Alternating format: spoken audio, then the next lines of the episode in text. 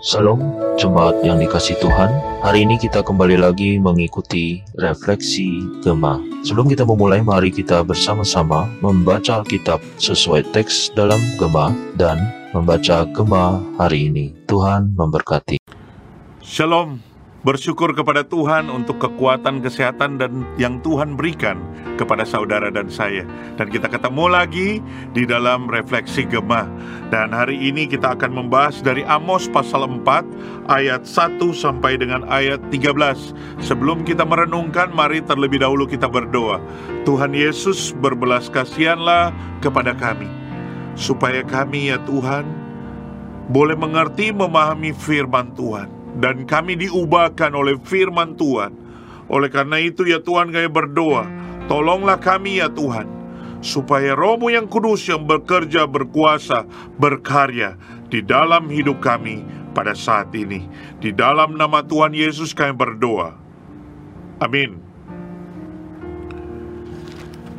Mari kita membaca Amos pasalnya yang keempat, tetapi kita hanya akan membaca dua ayat, yaitu ayat keempat dan kelima. Dengan perikop, ibadah orang Israel adalah ibadah jahat. Datanglah ke Betel dan lakukanlah perbuatan jahat. Ke Gilgal dan perhebatlah perbuatan jahat. Bawalah korban sembelihanmu pada waktu pagi, dan persembahan persepuluhanmu pada hari yang ketiga. Bakarlah korban syukur dari roti yang beragi, dan maklumkanlah persembahan-persembahan sukarela. Siarkanlah itu, sebab bukankah yang demikian kamu sukai, hai orang Israel, demikianlah firman Tuhan Allah. Sampai di sana pembacaan firman Tuhan. Bapak, ibu, saudara, tema kita hari ini adalah religiositas sejati atau kerohanian yang sejati. Saudara, ketika kita ketemu dengan seseorang yang pakai salib, kemudian dia berkata "Shalom", Tuhan Yesus memberkati. Kemudian dia bercerita bahwa dia punya aktivitas hari-hari yang selalu berdoa pagi hari, siang hari, malam hari. Kemudian setiap minggu dia pasti hari Rabu datang kebaktian doa. Hari Minggu dia pasti beribadah. Maka di dalam pemikiran kita kita langsung katakan dalam hati, oh, ini orang rohani sekali. Ini orang sangat religius. Wow, kita bukan mungkin memuji dia secara langsung atau kita bahkan memuji dia dari hati kita. Tetapi saudara, pertanyaannya apakah dia betul-betul rohani?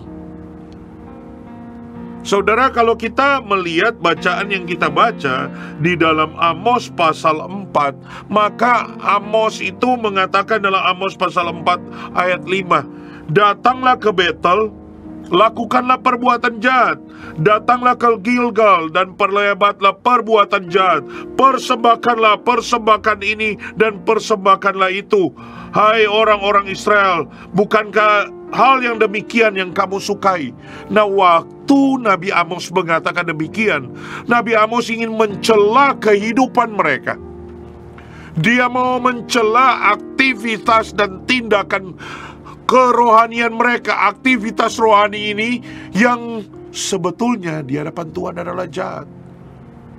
Saudara menarik sekali dalam bagian ini oleh karena kita melihat justru suatu tindakan rohani yang mereka lakukan tetapi tidak rohani. Suatu tindakan yang ingin menyenangkan Tuhan tetapi justru adalah perbuatan jahat di hadapan Tuhan. Kalau gitu apa yang salah di dalam kehidupan mereka? Nah ada tiga hal yang kita akan bahas pada saat ini. Yang pertama, yang salah dari kehidupan mereka karena mereka melakukan aktivitas rohani, mempersembahkan persembahan kepada Allah, tetapi tanpa ketaatan. Saudara, mereka hidup tanpa ketaatan kepada Tuhan, dan karena mereka tidak taat kepada Tuhan, maka penghukuman Tuhan itu datang kepada mereka. Nah, kerohanian itu tidak bisa lepas daripada ketaatan kita kepada Tuhan. Kerohanian yang sejati merupakan suatu kehidupan di mana kita melakukan apa yang Allah nyatakan di dalam kehidupan kita. Kehidupan rohani yang sejati adalah suatu kehidupan di mana kita melakukan sesuai dengan perkataan Tuhan. Kehidupan rohani yang sejati adalah suatu kehidupan yang melakukan firman Tuhan. Tetapi orang Israel tidak melakukannya. Itu sebabnya Tuhan marah kepada mereka, Tuhan murka kepada mereka.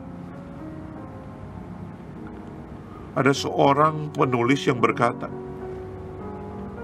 di luar apa yang dinyatakan oleh Allah atau difirmankan oleh Allah, maka apa yang kita pikirkan adalah suatu yang rohani, itu hanya sebuah bentuk pemberontakan atau kejahatan kita kepada Allah. Mengapa? Karena kalau kita tidak taat kepada firman Tuhan, apa pun yang kita lakukan tidak akan menyenangkan Tuhan. Yang kedua, apa yang salah dari kehidupan orang Israel? Karena mereka melakukan aktivitas rohani, mereka mempersembahkan persembahan kepada Tuhan, tetapi tanpa relasi pribadi dengan Allah. Saudara, pertumbuhan rohani kita atau kehidupan rohani kita ditentukan dengan relasi kita dengan Tuhan. Bukan ditentukan dengan seberapa banyak kita memberikan persembahan, seberapa banyak kita hadir dalam ibadah-ibadah, bagaimana kita terlibat di dalam setiap pelayanan-pelayanan yang ada. Betul itu sangat baik.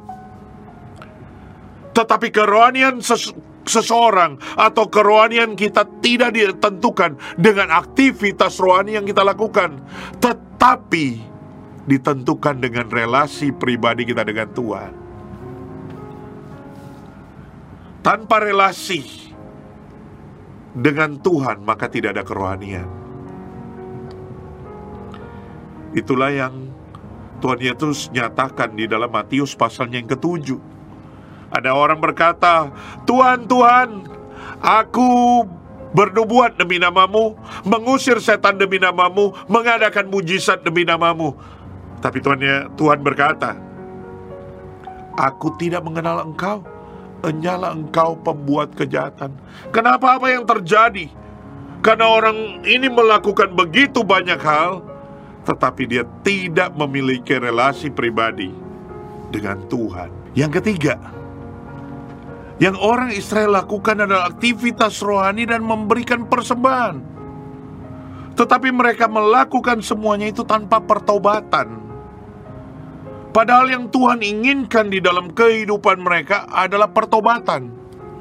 Kalau kita melihat di dalam Amos pasal yang keempat ayat ke-6 sampai ayat ke-13, maka kita sebetulnya bisa melihat di sana bahwa ada berkali-kali Tuhan memberikan penghukuman, kekeringan, kelaparan, hama, belalang, kemudian penyakit sampar, peperangan, dan juga bencana. Nah, semua itu Tuhan Yesus lakukan untuk apa? Supaya orang Israel itu bertobat dan berbalik kepadanya. Tetapi orang Israel tidak menghiraukannya. Itu semua tidak membuat mereka berbalik datang kepada Tuhan.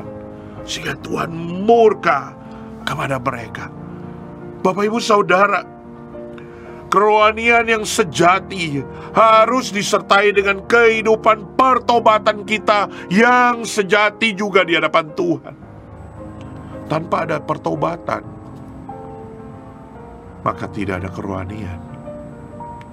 Maka kita melihat di sana ada tiga hal ini yang membentuk suatu kehidupan kerohanian sejati.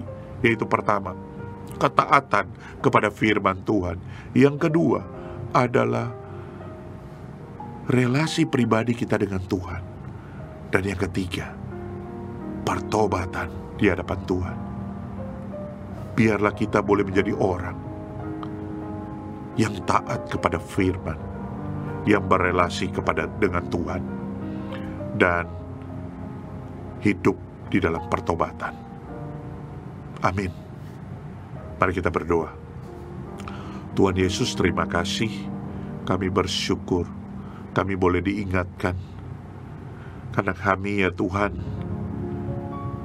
kami juga jauh daripada sempurna. Kami juga jauh daripada orang yang mau dikatakan kami seorang rohani. Tolong kami, Tuhan, supaya kami boleh taat, hidup melakukan firman-Mu. Biarlah kami, ya Tuhan, sebagai orang-orang yang memiliki relasi pribadi dengan Engkau. Karena itu lebih daripada aktivitas rohani ataupun persembahan yang kami berikan. Dan biarlah ya Tuhan kami boleh menjadi orang-orang yang datang dengan tulus. Bertobat di hadapan Tuhan dan datang kembali kepadamu. Berkati kami semua, ini doa kami. Dalam nama Tuhan Yesus kami berdoa. Amin. Tetap sehat, tetap semangat. Tuhan Yesus memberkati.